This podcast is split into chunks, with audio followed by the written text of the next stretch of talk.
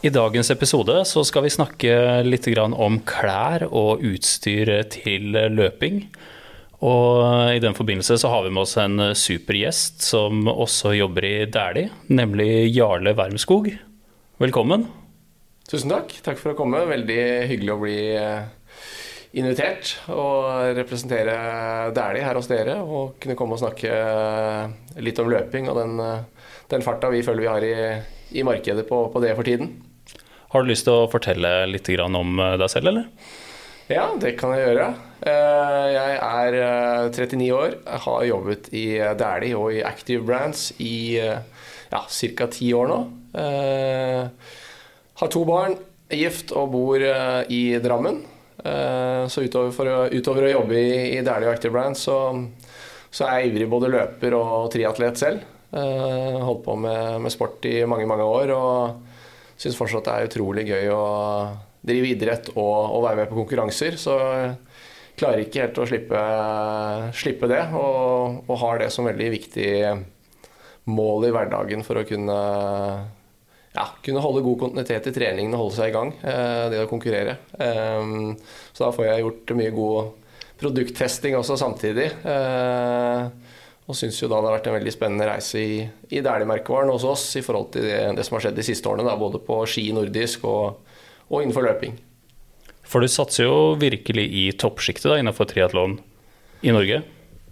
Ja, det, det, blir jo litt sånn da, når man har holdt på i, i, så mange år og hatt progresjon og hatt gode resultater. og og ser at det fortsatt er mulig å kombinere liksom det med å, å ha høye mål innenfor idretten og, og, og jobbe. Og syns at det er vanskelig på en måte å slippe opp for det. Så Nei, jeg har vel sagt det flere ganger at jeg får se hvor lenge man på en måte kan holde på på den måten. For det er klart man, man tyner døgnets timer. Men uh, akkurat nå så får jeg det til å fungere greit. Og så har jeg noen høye mål for sesongen i år i hvert fall. Og det har blitt en del konkurranser som har blitt skjøvet nå inn i 2022 etter uh, etter at mye ble flyttet i, løpet av eh, pandemien og, og, koronatiden. Så i år så er det en tett, eh, tett kalender, så får vi se om vi får alt til å gå opp. Men uh, høstens hovedmål blir i hvert fall VM i Ironman på, på Hawaii, så det gleder jeg meg skikkelig til.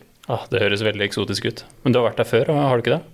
Jo, jeg har vært der to ganger. Så jeg var der i 2017 og 2018. Og så, litt ulike årsaker, så droppa jeg det som et mål i 2019. Og så kom korona, så nå, nå, håper jeg å få med meg et skikkelig bra år der borte med, med, med siste år jeg konkurrerer i klasse 35-39, som ja, kanskje sammen med klassen over, da, for oss som konkurrerer på age group-nivå eller amatørnivå, er, er, de to tøffeste klassene hvor, hvor, man konkurrerer med alt fra tidligere proffer til, til folk som nærmest gjør dette på, på fulltid. Så det blir skikkelig moro, og det er som du sier, eksotisk, og det er, det er langt borte. Men virkelig en opplevelse da, hvis man skal få med seg hva, hva bakgrunnen for, for langdistansetriatlon er, og virkelig kjenne på kulturen og miljøet innenfor det.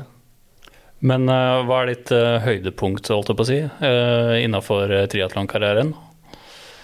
det har vært veldig mye som har vært veldig moro over de årene jeg har vært. Det er klart altså de høydepunktene altså Jeg gjorde min første triatlon i 2016, og i 2017 så var jeg på Hawaii. Så bare det å komme dit første gang var veldig veldig moro. Eh, førte en utvikling av det til 2018 når, eh, når jeg var der. Eh, da gikk det også ganske fort, så, så jeg og min svoger har fortsatt de to beste norske tidene som, som, er på Hawaii til nå. Så blir det veldig gøy å få med seg en virkelig eliten av norske triatlonutøvere dit nå til høsten. Og håper både Christian Blumenfeldt og Gustav Iden stiller der i, stiller i oktober. Så da, da har ikke vi de norske bestenoteringene mer etter det, så vi får leve på det fram til da. Men uh, så det blir gøy. Og utover det så, så har jeg kjørt Norseman et par ganger. Eh, tredjeplass derfra i 2019 som, som, det beste resultatet derfra. Eh, hadde litt høyere mål med det. og det var hovedmålet mitt da i, i fjor, i 2021-sesongen, å virkelig komme tilbake og kunne kjempe om, en, om toppen og en, og en, seier der. Eh, så ble jeg påkjørt av bil eh, på siste langtur før, eh, før konkurransen, 14 dager før. Så eh, det ble en skikkelig eh, hump i, hump i veien. Eh, formen var bra. Jeg tror jeg skulle slått bra fra meg, men ja, det er vel ikke sånn hva er det man sier. Jeg har aldri forgat at ikke det er godt for, for noe. og da ikke, ikke, med legens fulle tillatelse, for å si det sånn, men så endte det i hvert fall opp med at jeg kjørte Ironman København i fjor, fire uker etter at jeg hadde brudd i, ble påkjørt og hadde brudd i albuen.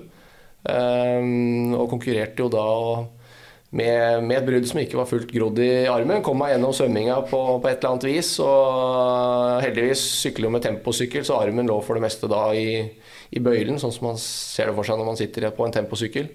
Så der lå armen ganske stabilt og godt. Og så løp jeg med fatle. Eh, så det fikk jo litt ekstra synlighet, så jeg lurer litt på om jeg nesten må gjøre det til neste konkurranse òg. Fikk mye heiarop og mye sympati ute i løypa. Eh, men det, det, er kanskje det beste resultatet jeg har så langt da, i, i min triatlonkarriere, hvis man kan si det sånn. Da vant jeg age group overall og kom inn på 8.29. Uh, hadde en veldig god løpetid, annet. Kun slått av én proff der, så ja, føler liksom at man har hatt progresjon fortsatt, selv om man er eh, godt uh, voksen. Uh, og Derfor er det veldig gøy å holde på fortsatt. Så det er moro. Og utover det så syns jeg det er veldig gøy å løpe. Da. Det, det, er noe som man får veldig godt å gå opp i hverdagen. Det er effektivt. Man starter klokka rett utenfor uh, inngangsdøra. Og rett ut, og du har gjort en god økt. Om, du har vært ute, om det har vært i 40 minutter eller 60 minutter, så har du gjort en god økt. Og det, det er litt annerledes enn det det er med, med triatlon. Ja, hvorfor ble det triatlon da, i utgangspunktet? Ble, jeg har bakgrunn som syklist. Satsa sykkel etter videregående. Eh, først med terrengsykkel og så til, til landeveissykkel. Så hadde jeg en bakgrunn fra det. Og så begynte jeg å studere etter hvert og har studert fysioterapi. Um, og så ble det noen år da, i forbindelse med studiet hvor det ble, ble litt mindre av alt av uh, trening. Uh, og så hadde jeg en søster og en svoger som satsa mye triatlon og hadde lyst til å prøve det samme. Jeg måtte bare lære meg å svømme litt først. Uh, følte jeg kunne de to andre grenene. Så, så etter å ha prøvd uh, litt svømming og kommet seg greit i gang med det, så, så ble det triatlon og de første triatlonkonkurransene. Og så må jeg jo si at de opplevelsene man har med det, da, med litt de her større målene uh, i hverdagen hvor man kanskje ikke får konkurrert hver helg, men noen sånne hovedmål i løpet av sesongen. Muligheten til å kunne reise med familie eller venner på konkurranser. Det miljøet som er rundt disse litt større løpene og atmosfæren, det, det er utrolig engasjerende og motiverende. Eh, så det blir en sånn gulrot. da, Når man ikke kan konkurrere så mye, så, så blir det en sånn liten stjerne man ser fram til, og som gjør at man uh, får gjort uh, greit med trening i, i hverdagen. Og så, og så, har man et større mål der framme. Spennende. Jeg har kun vært med i et uh, triatlon, et sånn sprint-triatlon. Og det jeg syns det var kjempegøy. Og, men det å bytte aktivitet Fy søren, så motiverende. Ja. Det, det, var så gøy. Og, det var litt mye bølger og sånn på den svømminga, så jeg gleda meg utrolig til å sykle og sånn. Og begynte å nærme meg ferdig med den syklinga, og så var det over til løping. Jeg syns det var helt utrolig gøy. Ja, altså Det tror jeg jo mange flere må prøve. Man tenker jo sikkert at det der må nesten være umulig, det å begynne å ta på seg joggesko etter at man har sykla. Men det, akkurat den overgangen tror jeg man lærer seg veldig fort til. Og må ikke la seg skremme av det, for å si det sånn. Og så tror jeg det å det å kunne drive triatlon for, for, flere, egentlig, det er, det er, veldig sunt og veldig godt. Jeg ser jo mange da som gjør seg opp noen mål, enten om det er innenfor bare sykkel eller bare løping, så, så blir man jo veldig ensporet i treningen sin, og, og, fort så blir man kanskje skadet hvis man begynner med dette i litt voksen alder. Eh, og som mosjonist, og så skal man prøve å, å, herme litt etter, for å si det sånn, den treningen som kanskje man leser om i litteraturen, eller som eliteløpere gjør, og da, da mister man fort kontinuitet i tingene. så jeg, jeg, kjenner veldig på det der, da, at uh, liksom veldig lave skuldre hver gang man får en litt vond akilles eller et vondt kne eller hva det måtte være i forbindelse med en løping, så vet jeg at jeg ja, jeg kan enten uh, ta en tur i svømmebassenget eller så kan jeg sykle. Altså det, det, er alltid en alternativ treningsform, og det å ha den variasjonen i, i hverdagen, det, det, tror jeg mange kunne vært veldig uh, tjent med. Så jeg håper at flere vil ut og prøve triatlon. Ja, det anbefales veldig. Jeg kunne tenkt meg å drevet med det mer etter hvert, jeg også. Ehm, men du har nevnt at du jobber i Dæhlie, og dere har jo satt seg rimelig hardt på, på løpekolleksjon nå, ja, hva skal vi si, siste tida, blir det riktig å si?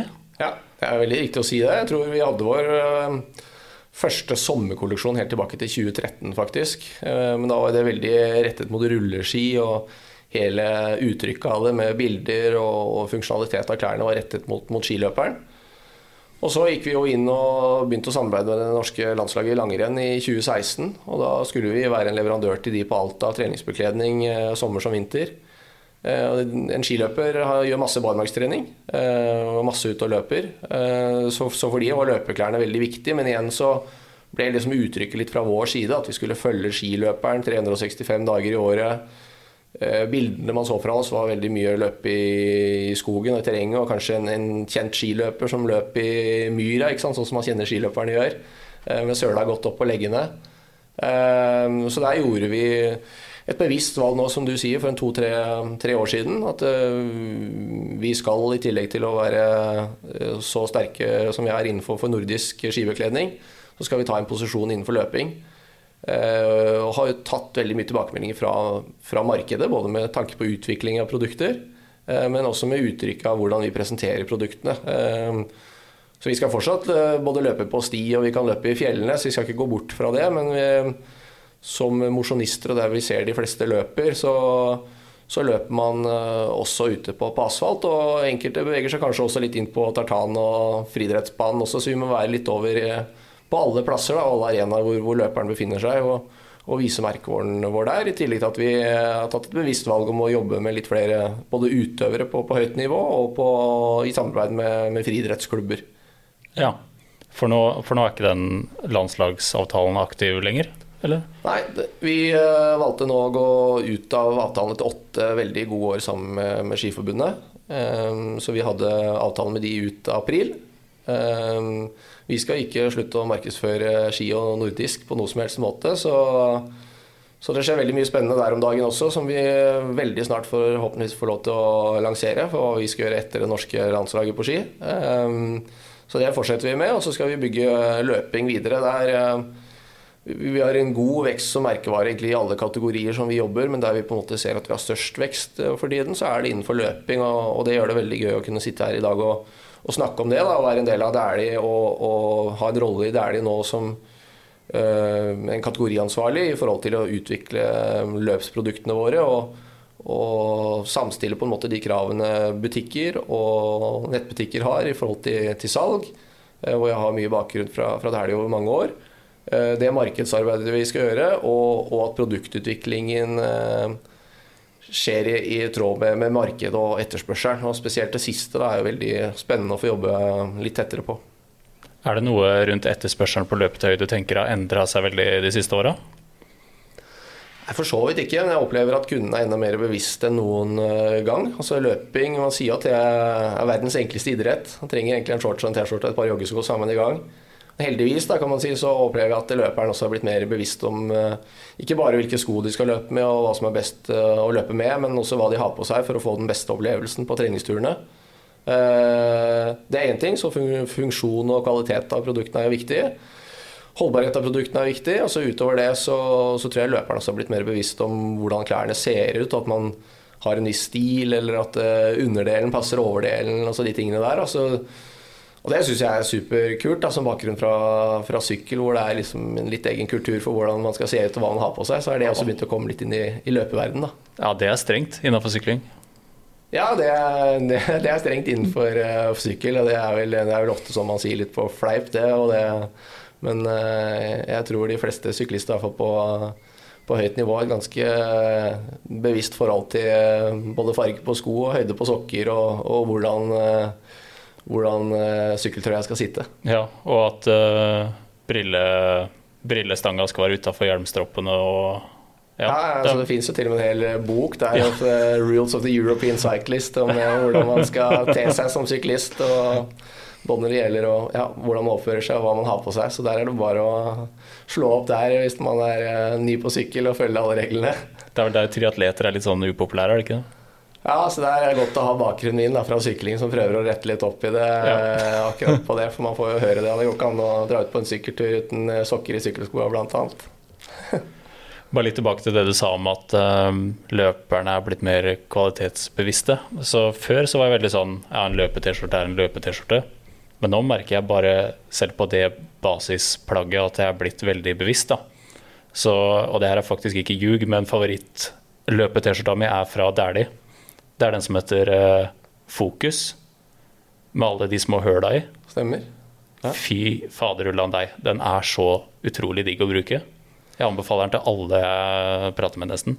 Ja, Det er kult at du sier det. Jeg syns det er veldig gøy. Da, Det er litt bakgrunnen vår som merkevare også, på en måte at vi, vi har den inngangen vi har fra, fra nordisk skibekledning, hvor, hvor kravet til funksjon er veldig høyt. Du er ute og beveger deg gjerne i en aktivitetsform hvor intensiteten er veldig høy. Du svetter mye.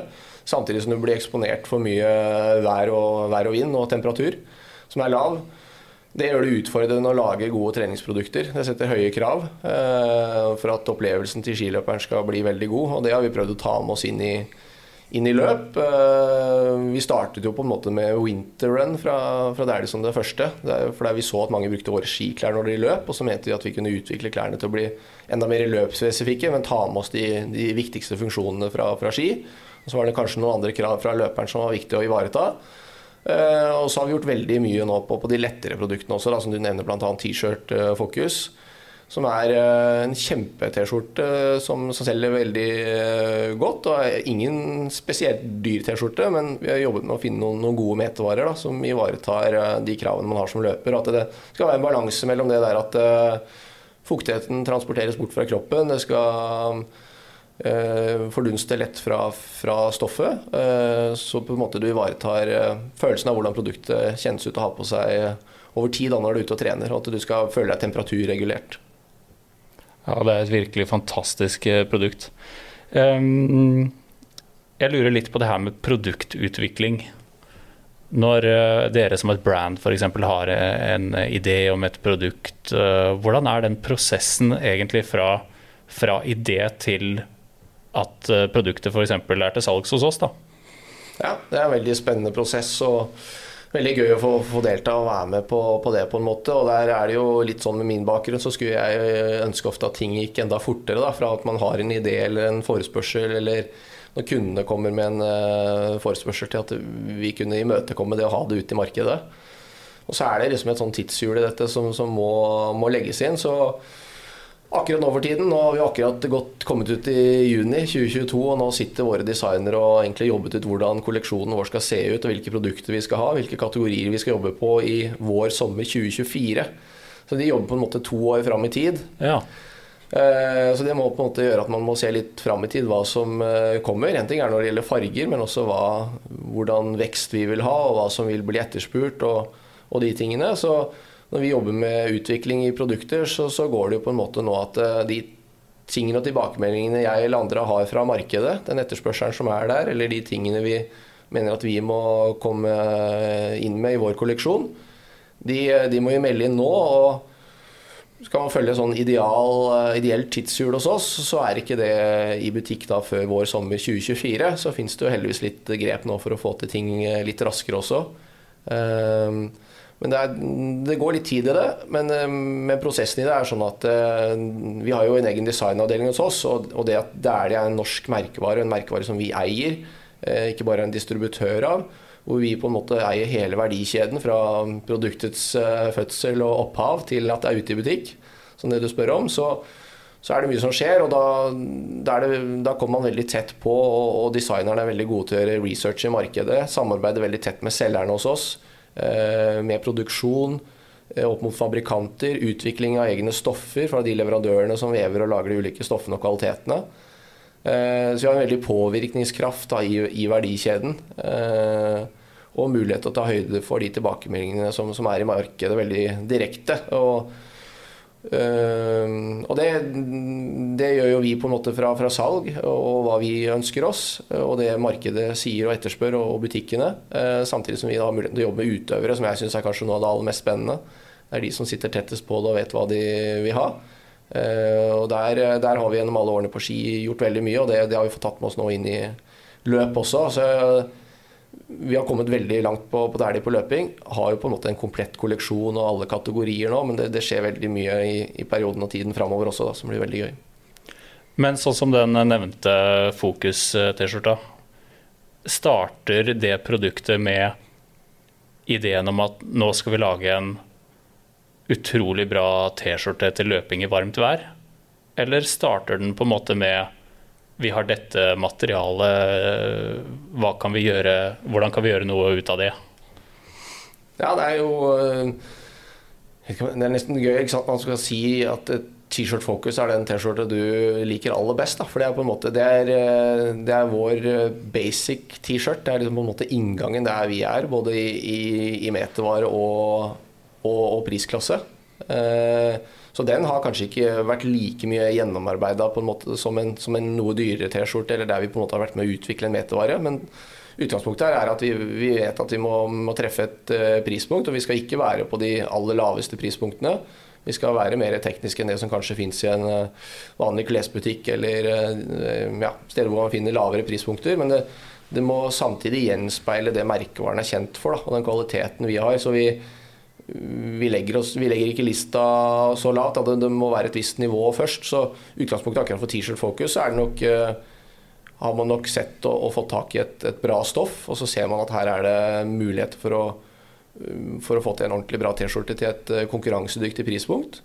Um, og så kan vi jo bruke den metervaren inn i andre ting også når tilbakemeldingene er så gode som den er blitt på, på det produktet bl.a. Og den teknologien litt, sånn som du sier at det er et perforert stoff med masse små hull i på en måte. Det er, det er mye god teknologi der som, eh, som gjør at produktet oppleves veldig godt på i bruk. da.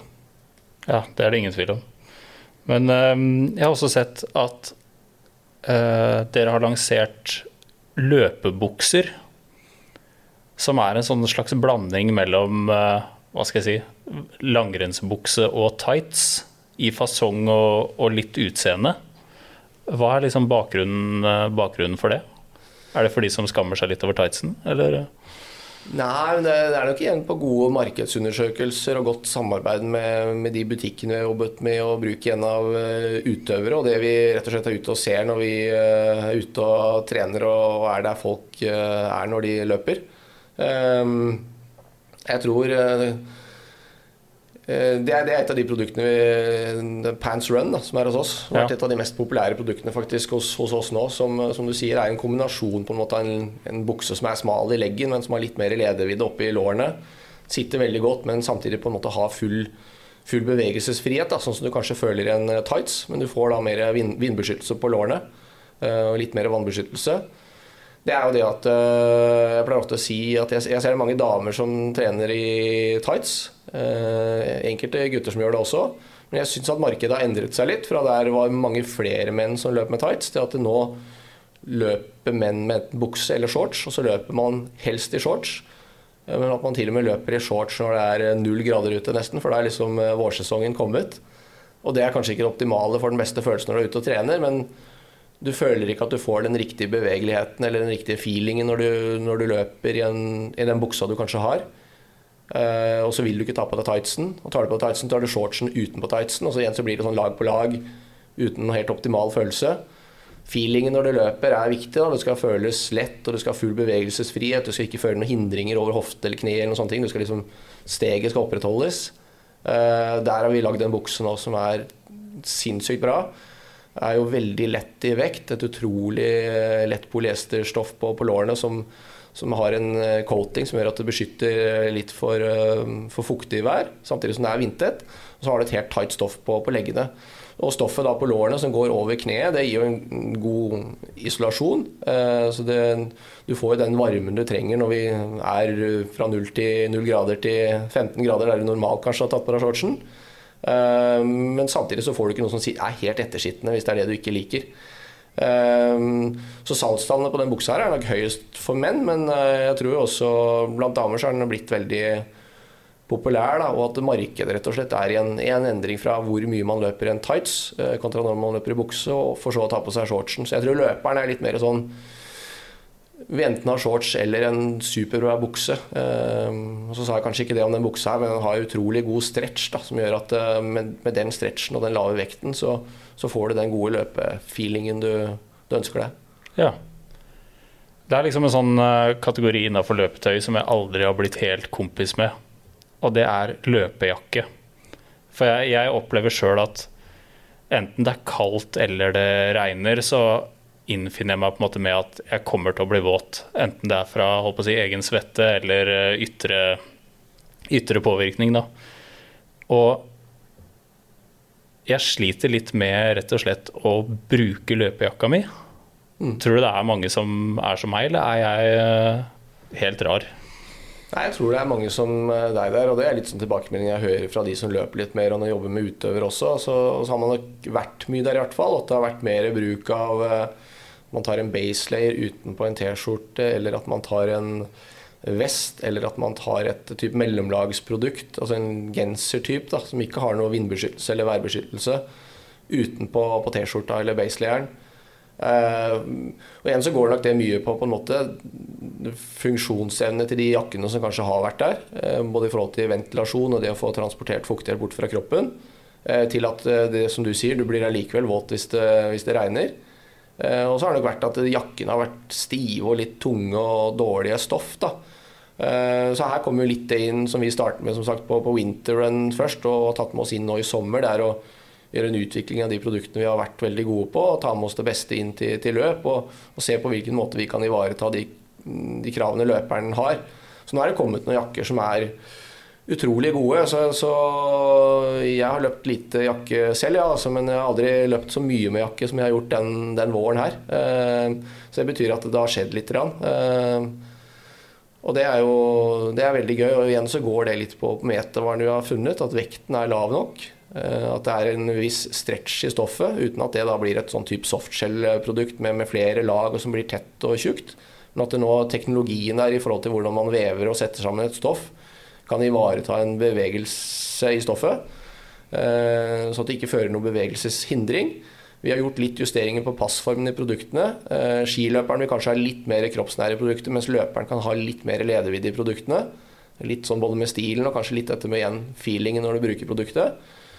Eh, og så går det jo på dette med muligheten for, for utluftning av jakka. Det kan jo være at én ting er at stoffet i seg selv eh, diffusjonsåpen nok til at fuktigheten kan slippe ut. Det er der det ofte har vært et problem, og det, det er jo fortsatt en utfordring hvis du svetter mye.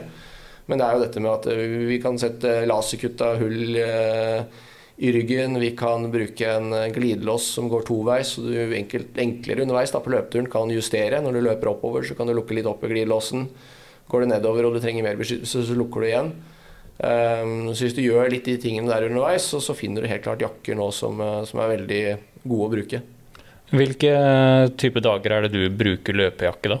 Sånn det er, det er, typisk uh, Hvis det er en helt uh, rolig økt, holdt jeg på å si, og temperaturen er litt lavere, det er overskya, uh, så det er alle temperaturer egentlig under kanskje 15 grader. Um, og så varierer da hvor tjukk jakka er, avhengig av hvor, liksom, hvor nærme man kommer frysepunktet, eller om man til og med er ute og løper på vinteren. Um, så, jeg, så jeg, bruker det som sagt mye mer enn før, men det er jo da når, hvis, det er, hvis det er mer vind øh, øh, Det regner litt kanskje, eller, eller, du er ute på oppvarming, så jeg er typisk ofte på, på jakka på oppvarming, og så skifter og tar av. Og liksom er god på å gjøre noen reguleringer underveis. Da. Så, så der har vi også gjort noen grep for å for å kunne ta jakka for eksempel, av underveis. Da. Det kan være måten man bretter jakka sammen i en lomme for eksempel, så den blir liten og packable. Ja. Eh, til at den har en strikk på seg når du har pakket den, sånn at du kan feste den på underarmen eller sånne type grep. Da. Så, så det gjør det jo litt enklere å justere underveis. Eller så må man gjøre som man gjorde før, at man knyter jakka rundt eh, livet. Eh, for min del så, så blir det mye kvalitetsøkter med de løpeøktene jeg får. og Da, da har jeg kanskje utgangspunkt fra, fra, bilen, og så kan jeg gjøre en oppvarming, og så gjør jeg et lite skifte, og så, så gjør jeg det andre jeg skal. Um, så man tilpasser det litt, avhengig av hva man skal og, og hvor man er. da. Ja. For min sånn huskeregel si, når det er litt kaldere i været, er at uh, jeg skal fryse ved bilen. Ja, det syns jeg er en kjempegod huskeregel. og i hvert fall da når vi er litt på kantsesongen eller over i, i vinter også. Og med kant så mener jeg da med inngangen til vinter eller utgangen av vinter også. Så blir det en Jeg er helt enig. Fort en dårlig tur altså hvis, du, hvis, du, er ordentlig varm når du står ved bilen. Og du må gjerne fryse litt på både den første og andre kilometeren også. Da, da tror jeg du har truffet noe som er veldig riktig. Uh, dette med sånn kompresjonstøy har jo vært litt sånn diskutert, og det var en litt sånn avslørende NRK-dokumentar eh, for noen år siden. Bruker du det? Nei, jeg bruker ikke noe kompresjonsprodukter. Jeg har prøvd opp gjennom årene, jeg også. Som du sier, så var det jo veldig populært, og det fantes jo veldig mye av det. Både til bruk på overkroppen og, og underkroppen. Og så har jeg på en måte det siste jeg kanskje brukte, var mer sånn type eh, strømper. Eh, jeg personlig merker ingen effekt av det. Det er ikke noe der de har i sin eh, kolleksjon. Vi hadde for noen år tilbake en tights, vi også, som hadde det. Men jeg tror på en måte en, en ting er på en måte at det ikke finnes noe forskning som, som, dokumenterer effekten av det. Og det andre er det at uh, idet du skal lage et stoff som, som, er så tettvevd og så stramt med så lite bevegelighet, så går det veldig utover denne bevegeligheten da, som løperen etterspør. Uh, og så er det noen som én ting er liksom på det venøse tilbakeførselen, holdt jeg på å si, om det liksom hjelper, eh, hjelper hjertet med, med sirkulasjonsevnen. Eh, der er det jo dårlig dokumentasjon. Og så er det kanskje noen andre på, på veldig lange løp, da. Eh, og kanskje i kupert terreng, som mener at man kanskje får noe mindre vibrasjoner i muskulaturen på lange turer, og, og, og kan bli mindre trøtte i muskulaturen. da. Jeg har ikke kjent sånn stor effekt av det heller. Så, så, der jeg bruker mine kompresjonsstrømper i dag, det er på lange flytøyer hvor man blir sittende ned med beina. Og ja. selv om man er for så vidt sprek og beveger seg mye, kan si at man blir litt sånn der hovne strikkmerker etter sokkene på, på lange flyturer. Så der tror jeg det, det har en viss effekt fortsatt, for da får man litt den effekten som man faktisk bruker innenfor den medisinske verden i dag, da, hvor det handler om måte å, å, hjelpe noe for sirkulasjonen og det her at uh, du skal få tilbakeført blod opp mot uh, hjerte og, og, sentrale deler av kretsløpet. Her nede holdt på å si, Sandefjord-Tønsberg-området, det er så sinnssykt mye flott. Så det er jo Jeg bruker det på noen løpeturer av den eh, grunn, da. At eh, det ikke skal feste seg rett på, rett på huden, da. men at du kanskje har muligheten til å oppdage det og børste de bort. Ja, det er jo kjempelurt. da. Så, jeg tenker Løper du litt i sånn buskasterreng eh, og litt utenfor sti og allfarvei, så er det klart det er jo det en kjempefin beskyttelse både for flått, som du sier, men også mot eh, små rifter og sår som på en måte kan bli ubehagelig nok til at du i verste fall ikke kan få, få trent på, på, et par dager hvis det skulle være det. Så der må man liksom tilpasse og gjøre en justering. Og da finnes det masse gode produkter. Og, og igjen med, med, strømper og sånne ting, så er ikke det noe som hindrer noe bevegelse over verken knær eller hofter. Så, så, der er det litt sånn smak og behag, tenker jeg det er aller mest. Um, har du løpt noe særlig sånn fjell, fjelløping? vært lite fjelløp, og så står det jo en del ting på, på bucket list. Da, ja. si sånn. Hvis jeg skal gjøre noe av det som det neste, så ser jeg jo liksom de her bildene fra nedi Nå er det mye fine løp i Norge òg, altså for, for, all del. Eh, men det er jo mye fine løp i utlandet, syns jeg, da, hvor du enten ser at det er eh, tett med tilskuere underveis, eller at det er snøkledde fjelltopper og fine singletrack-stier og grønt og frodig, liksom. Så Sveits og Frankrike og sånn, så, så, er det noen løp som jeg håper å få, få løpt en dag. Da. Og så er det jo noen distanser der som uh, Jeg driver med triatlon. Altså, det, det, holder på lenge der også, men uh, akkurat innenfor dette med løping og én gren, og det er opp og det er ned, det er utrolig imponerende det man ser uh, de her utøverne holder på med. Ja, for det er en kategori vi har sett at har vokst, da, og som vi satser litt på. Ja, jeg skjønner jo at folk uh, Uh, folk vil gjøre det. Jeg tror du på en måte du opplever mye av det samme som jeg nevnte innledningsvis her på, på triatlon. Det, det, er veldig bra miljø, det er veldig mye god atmosfære, det er veldig fine løp å komme til. Uh, gode organisasjoner som, som, drifter disse løpene, så det er en fin opplevelse med det rundt. Det er lagt på noen av de beste stiene som fins i de områdene der løpene er, og det er fint terreng. Uh, også kanskje viktigst av alt når man snakker mer til mosjonisten også det er jo ikke dette samme liksom, tidskravet eller tidsjaget. Det er, ikke, det er ikke alltid en pers som skal slås, eller en rekord man skal måles mot. Uh, eller en grense liksom, for hva som er et bra eller et dårlig løp. Her er det på en måte alle, og det handler mer om den opplevelsen man har hatt underveis. da. Uh, så hadde jeg hatt tid og mulighet og ikke drevet med triatlon, så tror jeg det her også hadde ligget mest nærliggende for min del å prøve meg mer på. For det stiller jo brått litt uh ikke mer nødvendigvis, men andre krav til utstyr, da.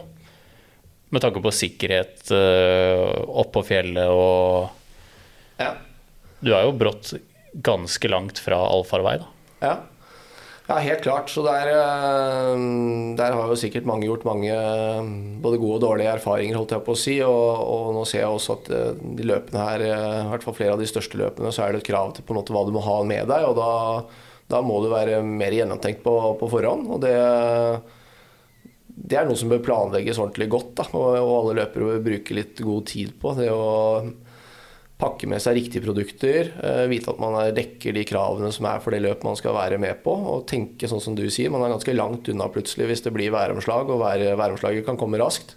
Eh, og så må man ha prøvd alt dette utstyret i forkant, da, så man må forberede seg på en god måte. Og, og, så det må man jo legge opp for også i treningen i forkant, så det ikke kommer verken overraskende over om klærne funker sånn som de skal, om de passer og, og alle disse tingene som, eh, som, dukker opp plutselig. da. Har du forresten prøvd noen sånne løpejakker med membran? Ja, jeg har prøvd noen eh, av de, og der har det jo kommet eh, veldig mye bra de siste årene. Og det tror jeg er litt sånn er med opprinnelse fra, og bakgrunn fra de kravene som har kommet til de største løpene her. Sånn. Og det er jo det er kanskje de mest utfordrende produktene å lage til, til løperen. De har en krevende jobb, de produktene der. altså. Skikkelig, for der er det jo Du skal på en måte igjen så er det på dette med at du skal bevege deg med i høy hastighet. Det er eh, stor intensitet. Det, det settes mye. Og så skal det samtidig beskytte for, eh, for fort vekk både kulde, men ikke minst eh, vind og, og nedbør. Så der kommer vi med en produktnyhet nå til høsten som heter Jacket Performance Run. Som, som er litt med bakgrunn for å dekke de kravene som er, først og fremst kanskje har vært i de største løpene i Mellom-Europa. Fjelløp. Vi har jobbet med, med, en produsent av et trelagsstoff. Da, som vi kom med med, med, med, med, med, med, med Herregud, stamme. Um, så kom vi til høsten med en jakke som um, har en membran. Um, og teipa sømmer, som gjør at den blir fully waterproof da, og, og vanntett. Og da, da, er vi dekkende for de kravene som er, og den har fast hette på. Samtidig som den skal ha lav vekt. Og den har i hvert fall jeg vært med og testa mye til til, til, til, høy intensitet også. Eh, men det er klart, altså Svetter du ordentlig mye av sånn jakke, uansett hvor, hvor rå den er, eller om du har måttet ha verdens beste membran altså Dette er en jakke med 20 000 mm vannsøyle og pusteegenskaper, så ser man liksom på det, så, så, er det veldig, veldig bra. Eh, men svetter man mye, så, så vil det kunne oppleves eh, tett. Da. Men da handler det på en måte om å gjøre andre typer reguleringer. Den har en toveisglidel, og så løper det oppover det ikke er nedbør, så må du lufte opp. Er det ikke nedbør da, så må du ta den av, men den er lett nok til å kunne pakke. Den kan bli liten, eh, og det er kanskje et løp hvor du har med deg en sekk osv. Men hvis du skal ut på en løpetur i hverdagen i tidlig mai og det pøsregner, er det den jakka du da hadde brukt? Da, det er litt, Du nevnte her i stad at du, du, var kommet til et sted når du brukte løpejakke på at fader, jeg blir, uansett så blir jeg våt til slutt. da. Uh, så, så, så, det er Oh, det er en sånn balanse akkurat der. og da Det avhenger litt av temperaturen ikke ja. også, og også intensiteten på økta du skal ha. Er det en, helt, eh, er det en rolig sone 1, sone 2 joggetur jeg skal ut en times tid, så, så ville jeg kanskje brukt den. For mm. da, da, gir den meg en ja, Jeg er komfortabel og lun hele veien og løker om jeg blir litt svett uh, på innsida. Er det en uh, litt lengre tur på, på skauen og jeg veit at her slår det plutselig ikke om drastisk i været og blir kjempekaldt, så er, det, så, så er det noen ganger man man heller velger den litt ekstra komforten. da. Eh, at det er litt mer utlufting, men at her blir jeg likevel våt. altså det Vannet renner inn, finner noen veier inn uansett da, hvor tett ja, ja. den jakka er. Absolutt. Men det her må jo være plagg som er utrolig viktig å vaske da, ordentlig, holdt på å si, for at ikke den skal henge du, du, henger den fra deg svett med masse salt, og det spiser opp ja. det som er av lim og sånt. Så Nei, Jeg føler jeg blir litt flinkere der sjøl òg. Ikke at jeg ikke har vaska klærne mine alltid etter jeg har brukt å trene, trene, med dem, men jeg har stort sett bare stappa det ned i en skuff eller inn i et skap. Det har blitt litt treningstøy opp gjennom uh, årene, men akkurat løpejakkene nå, for at de skal ivareta best mulig egenskaper, så har jeg faktisk begynt å henge opp de på hengere altså etter at jeg har vaska dem. og som du sier, ivareta det litt bedre. Og det handler jo litt om uh, det fotavtrykket man gjør også, at produktene skal ha best mulig levetid. og og varighet. Eh, og produktene investerer du kanskje en del i også. Produktene begynner å bli ganske dyre når de skal ha alle disse egenskapene som etterspørs. Så da tror jeg jeg er helt enig med deg. Det er viktig å vaske det ordentlig. Der finnes det både noen vaskemidler som er mer beregna for treningstøy, sånn at det på en måte ikke går utover pusteegenskapene til tøyet. Og at man kanskje vasker de her, i hvert fall de dyreste, beste plaggene sine uten skyllemiddel og alene. Eh, så egenskapene holder seg på best mulig nivå. Ja, for det er litt sånn seigliva myte, i hvert fall opplever jeg, da, ute i Norge om at membranklær ikke skal vaskes. At de ødelegger dem. Og ja. den eh, Ja, det må vi bare få avliva fort, altså. Ja, det kan vi avlive fort, ja. Og der, eh, der, sitter jo dere også på, på, masse kompetanse i forhold til å guide deres kunder på en god måte til det, og helt sikkert også de riktige vaskeproduktene til det. Eh, og da er det ikke noe veien for å kunne vaske produktet. Jeg tror sånn som du sier, den der eh, balansen mellom det der at, eh, at svette og salt og gammel skitt blir sittende fast i, i plagget, det er bedre. Og det gjør produktet dårligere enn at du, har vaska det en gang for mye gjennom alle de årene du har hatt det produktet i bruk. Altså. Ja, det tror jeg også. Et lite spørsmål som jeg glemte litt i stad. Det er det her løping med ull.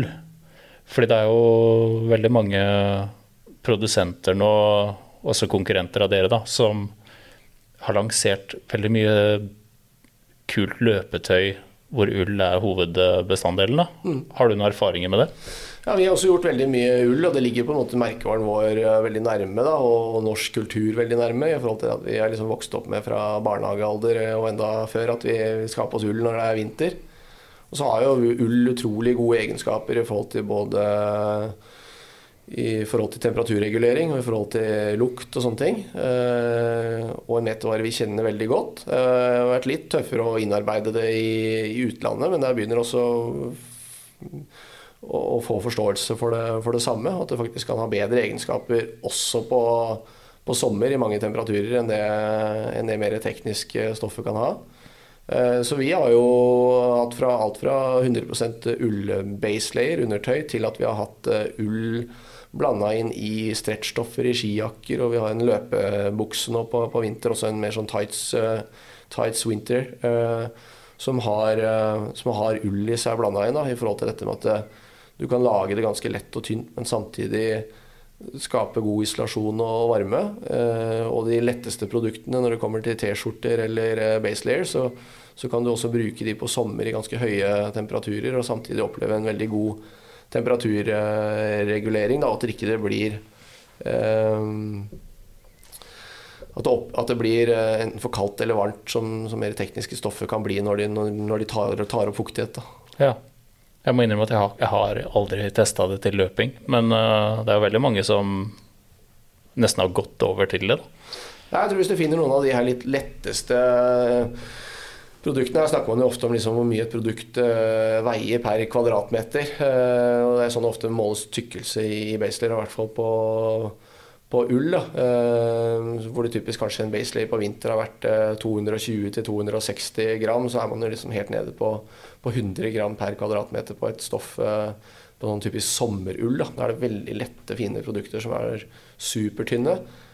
de er veldig behagelige å løpe med. og så må man bare igjen behandle de på en riktig måte i etterkant, da, så, så varigheten blir god av det. For det er klart Når ull blir så tynt, og det er veldig eh, fine, tynne tråder man bruker for at ikke det skal klø og sånne ting som man kanskje husker fra barndomsalder når man fikk eh, ull for, eh, for 20 og 30 år siden, så er det blitt veldig fint, fått veldig gode egenskaper. Så, så det anbefaler jeg mange å, å prøve, men sjekk da, sjekk da de variantene som finnes i sommerkolleksjonene ofte, da, til de merkevarene som, eh, som har det, hvis man skal bruke det til, til trening.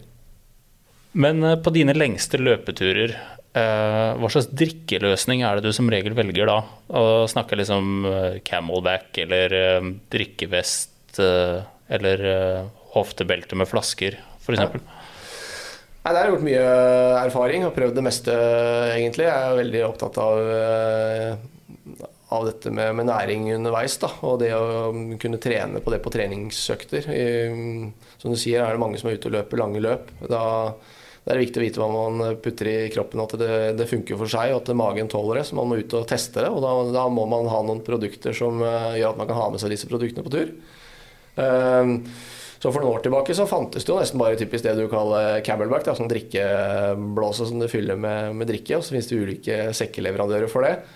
Det jeg syns har vært utfordrende med det, det, Du får jo med deg mye drikke, men det som har vært utfordrende med det, er jo det at uh, du aldri vet hvor mye drikke du helt har igjen i sekken. Ja. Uh, så det har jeg faktisk brent meg litt på i litt lengre sykkelritt, type Birken og sånne ting, hvor man har hatt denne drikkeblåsa i tillegg til den vekta man selvfølgelig må ha med seg. Men du sitter hele tiden litt og sparer, fordi du tenker at shit, nå har jeg drukket mye, og så går det tomt. Uh, det kan man jo selvfølgelig sjekke når man er ute og løper, men er det en konkurransesituasjon, så er det ikke det du har lyst til å bruke tiden på. Der syns jeg det har kommet bedre løsninger nå de siste årene med løpespesifikke sekker da, eller løpevester. Eh, hvor du typisk da kanskje Du kan jo putte en drikkebleier oppi de hvis du vil, det er ofte liksom system for det. Men du har en mulighet til å kunne fortrinnsvis pakke med deg jakke, vest eller touchskift eh, og noe gel spars i, i vesten eller i sekken. Og så har du eh, mer sånne små foldbare drikkeflasker på, på brystet da, som, som, du setter fast i, i selene til, til, sekken. Og de er jo veldig fine både fylle fra start med den drikken som passer deg best. Du vet hele tiden hvor mye du har igjen. Men de er superlett å refylle når du kommer til en drikkestasjon eller en bekk. Eller, og så tar du heller med deg, da. Eh, hvis du drikker sportsdrikk, så, så, tar du med deg en pose med, med, pulver. Og så blander du de på stedet, eller så har de fleste løp i hvert fall egne drikkestasjoner hvor du kan eh, etterfylle. Da har du mer kontroll. Trenger ikke å ta av deg sekken. Eh, du har drikkeflaskene veldig lett tilgjengelig og, og kan fjule opp når du trenger det. Så du bruker i hovedsak eh, den Vest-løsninga på lange løpeturer? Ja, jeg syns det har vært, uh, vært, det beste. Uh, der de lager også en, uh, en løpevestsekk. Det er liksom kombinert. Den, den, lukkes som en vest med glidelås i, i fronten. men har en 13 liter sekk i bakkant med, med glidelås, så du kan få med deg en del i den. så det er en sånn kombinert løsning, da. Eh, men fortrinnsvis de vestløsningene som du sier om eh, sånne foldbare flasker som, som, ikke har noen vekt i seg selv. Så der er det bare drikka du tar med deg som, som blir en ekstra vekt. da.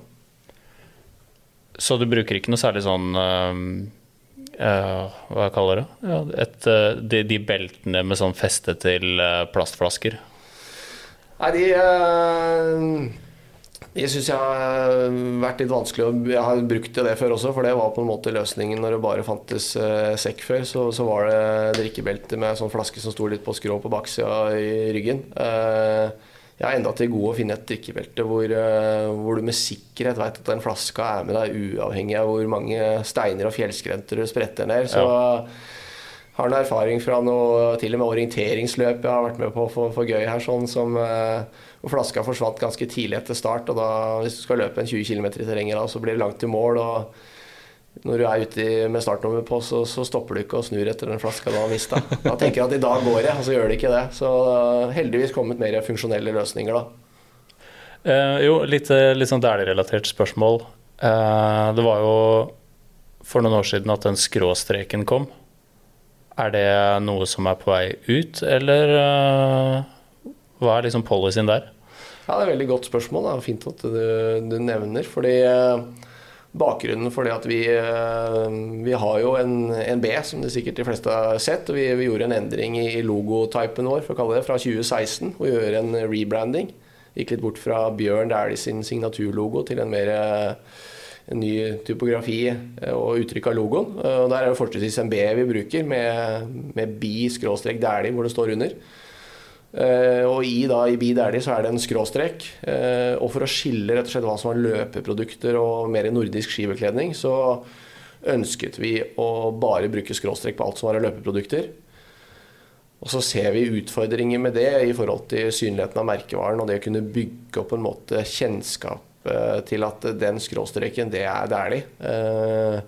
Så den, den, eh, den, har vi ikke lykkes med, med sånn som vi håpet og trodde at vi kanskje skulle få til. Eh, vi kunne helt sikkert ha gjort det hvis vi hadde gjort enda mer i det, men det tar veldig lang tid å bygge opp det. Og så har vi en god fart i løping nå, og det er der de merkevaren folk eh, kjøper. Så den skråstreken har jo vært til og med til og med SS, altså vår sommer 2021. Men nå fra 2022 så er alle nye Dæhlie-produkter eh, til løping med samme B-logoen som er på nordisk ski. Eh, det som skiller det nå litt, er det at på, på løp så vil det alltid være en vanlig B-logo på brystet. Den er i refleks. Og så vil det alltid i tillegg være det vi kaller en spell-out-logo, som er denne B-Dæhlie, som står mer på, på, ryggen eller på siden av magen, eh, som, som, er i refleks. Så nå er på en måte løpeproduktene Nå vil alltid alle logoer være i refleks. For eh, jeg var til stede i det møtet med dere da det her ble lansert første gang, den skråstreken. Og jeg må jo innrømme at uh, vi var jo litt skeptiske etterpå, når dere har en så kjent logo. Så det er veldig gode nyheter at, uh, at dere har gått tilbake til B-en, da. Ja, det er godt å høre, og det er helt sikkert da med tilbakemeldinger fra, fra markedet. Da. Og der er jo dere en, en viktig kunde av oss, og da, det er sånne tilbakemeldinger kjempeviktig. Og så var det et forsøk, og så lykkes man ikke med alt, men uh, sånn samlet her sånn, så føler jeg at de har veldig god fart på, på, løpsutviklingen. Og nå skal det ikke være noe tvil om at man uh, kjøper et ærlig produkt, og så skal ikke det brukes masse logoer på det, men det, det er iallfall en kjent logo på produktet. Stilig. Um, litt som en sånn avslutning så har vi tre kalle faste spørsmål, da. Og det første er liksom Hva reiser du aldri ut på tur uten? Oh, det er et godt, uh, godt, spørsmål. da. Hvis man tenker på en treningstur eller en, i forbindelse med en konkurranse, liksom, så jeg er veldig glad. Jeg, jeg, har stort sett med meg Jeg trener mye alene, da, så, og er jeg oppe i skogen, så, så, løper jeg ofte uten musikk. Altså. Da syns jeg det er veldig hyggelig å høre fugler og, og, møte naturen. Men jeg løper mye med musikk, så sånn sett har jeg ofte med meg telefonen. Og så er jeg glad i å ta bilder også når jeg er ute på tur. Det er ikke ikke alltid jeg legger ut på, på Instagram, men jeg syns det er gøy å ha telefonen der for å ta noen noe minner og få med seg noen noe fine øyeblikk. Eh, så telefonen drar jeg sånn sett ikke uten på, på, treningstur. Og ut på konkurranse så, så er det kanskje blitt litt sånn det, De konkur siste konkurranseforberedelsene er viktig. da, Hva man skal spise f.eks. For i forkant av en konkurranse. Og det er ikke alltid disse hotellfrokostene kanskje dekker opp for det jeg har lyst til å spise eh, som siste måltid tre timer før konkurransen. Så, så det jeg har som en fast greie å ha med meg nå på, til konkurranse, er rett og slett en, eh, en god plastikkbolle med lokk. Og eh, hvis jeg drar til et land hvor jeg vet at det er vanskelig å få tak i havregryn, så, så, har jeg med litt havregryn i tillegg. Men jeg ja. lager da over natten-grøt. da. Uh, fordi havregrøt får man liksom ikke på hotell i utlandet. Eh, det er et godt siste måltid, syns jeg, før konkurransen. Og så vet du at du da kan du spise på det tidspunktet du selv ønsker. Da er du ikke avhengig av når den frokostbuffeen åpner på hotellet. Du kan spise hvis du da Det beste for deg er å spise tre timer før eh, start. Så får du spist tre timer før start, og så har du ordna den frokosten sjøl. Så uh, lite sånn tips derfra. Vi hadde jo en annen triatlet som heter Christian Horne her i en av de første episodene hvor han fortalte om dagen før Norseman, hvor han gikk bananas på en sånn lasagnebuffé nede på hotellet der, tror jeg. Det ja, jeg anbefaler folk å høre den episoden. Det, ja, det, det, gikk ikke så bra. Kristian har eh, helt sikkert masse gode tips der. Så det er, det er et dårlig tidspunkt å prøve masse nytt, i hvert fall rett før eh, konkurransestart. Jeg vet, eh, jeg vet noen har hatt litt uheldige situasjoner med å prøve litt ny type mat eh, dagen før, eh, før, løp. Så gå for det, det safe, det som kroppen tar imot, og som du har prøvd før. Og så sikre at du får med deg rikelig med karbohydrater, i hvert fall. Ikke masse krydder av ny mat du ikke har spist før. Nei, jeg skjønner. Um, jo, altså neste er uh, Vi har bedt deg om å ta med en ting da, som beskriver deg litt som person. Ja.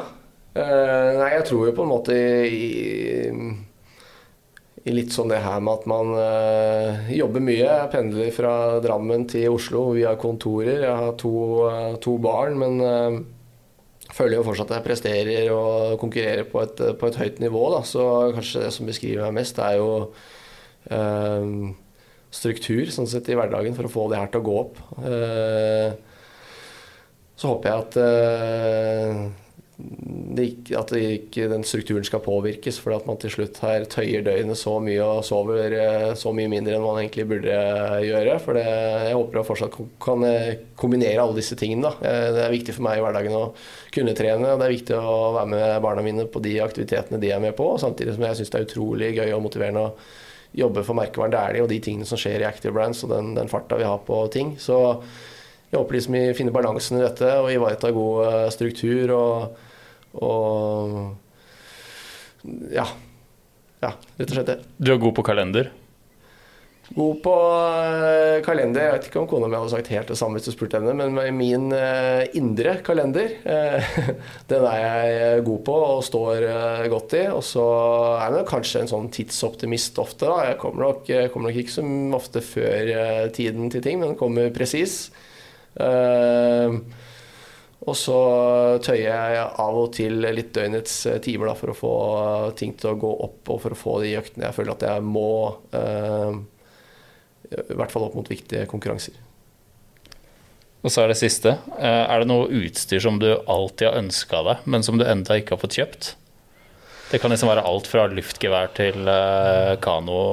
Ja, liksom. Da mangler det fortsatt litt. Det er etter mange år liksom både med aktivt friluftsliv og idrett, så er man jo en litt sånn utstyrsfrik da, og, og har fryktelig mye. Det er eh, kanskje en del av de andre hverdagslige tingene jeg burde kjøpt litt mer av innimellom. Men eh, har mye utstyr og er liksom klar for det meste alltid. Uh, uh, klart altså En god, en god multisportklokke det er, det er, viktig å ha. Der burde jeg gjort en liten oppgradering, men det, det, har jeg jo. Så det står ikke på det. Så jeg tror hvis jeg skulle sette noe øverst på ønskelista, så er en ordentlig god Jeg løper mye på tredemølle for å få hverdagen til å gå opp. Det er effektivt. Så en ordentlig god lamellmølle til å løpe på, det det, det står høyt på ønskelista. Lamelle, der, der, må du hjelpe meg. Er det underlaget? Ja, det er underlaget man ja. løper på. Altså, det er vel et par merkevarer som, eh, som, har typisk sånne møller, som på en måte gir en litt annen løpsfeeling enn å løpe på det er typiske løpebåndet som er på de vanligste møllene på treningssentrene. Um, så det går litt på, på, feeling når du løper på, på mølla, men den er viktig. Da, når man, jeg tipper jo sånn Jeg snitter jo fort ved kanskje 80% av alt jeg løper, er på, på tredemølle. Så jeg er, mye på, oh, ja. Mye på mølla. Og det er da, det er da jeg, eh, jeg ser ikke så mye TV fra sofaen, men eh, jeg får sett en del serier allikevel. Og det er på, på mølla eller når jeg sitter på rulla og sykler. Men er det fordi, eh, fordi, det er så kjekt og greit, liksom? Eller er det fordi det er så målbart at du løper så mange økter på mølle?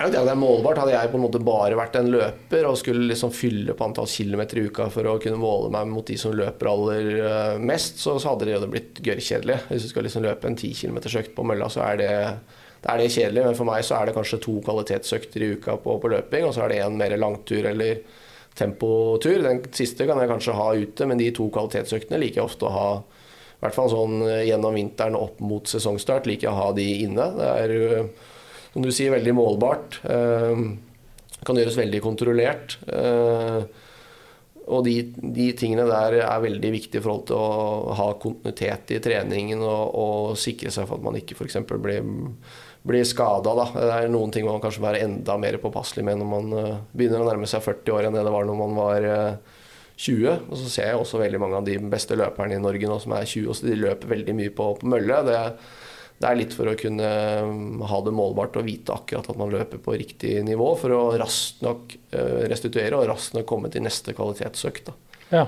Og så er det jo sånn altså I hverdagen så er det ikke noe tvil om at uh, er det vinter, så må du ha på deg uh, et innelag og et ytterlag, og det er sokker og det er sko og det er alt mulig. Altså Når jeg skal inn på treningsrommet mitt på mølla, så, så, er det stort sett bare en enkel shorts. Så fra jeg på en måte bestemmer meg der etter middag, jobb og aktiviteter med barna, så så går det to minutter til jeg er på mølla, og så kan jeg kanskje ha en økt som tar akkurat 60 minutter. Og så, eh, da, og så bruker jeg fem minutter etterpå til å få samla meg litt eh, sammen igjen. Så på under 70 minutter da, så har jeg gjort en bra, bra treningsøkt. Ja, jeg ser eh, Nå begynner det å gå opp for meg hvordan du får døgnet til å fungere. Ja.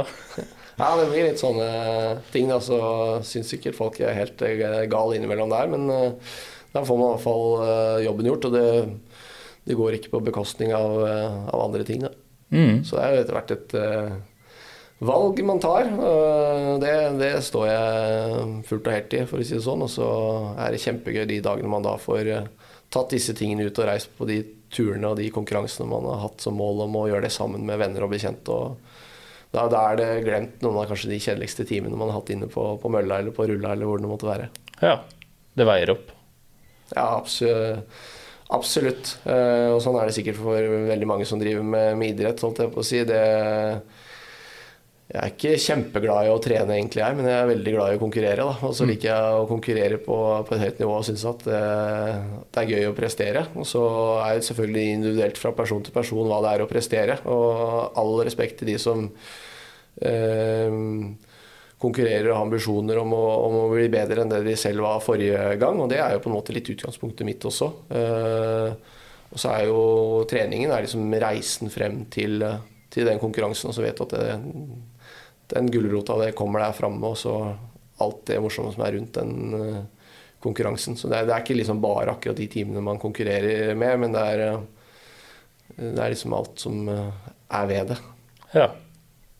Nei, da tror jeg vi har fått eh, dekka veldig mye rundt uh, klær og utstyr til løping. Og så får vi heller ta det med sko en annen gang, da. Vi kan ta det med sko en annen gang. Jeg eh, stiller opp igjen. Det var veldig hyggelig å få tatt en prat med, med deg og dere her. Det er veldig bra at du kunne komme. Så da tror jeg vi bare ønsker god tur, jeg. Ja. Tusen takk for det.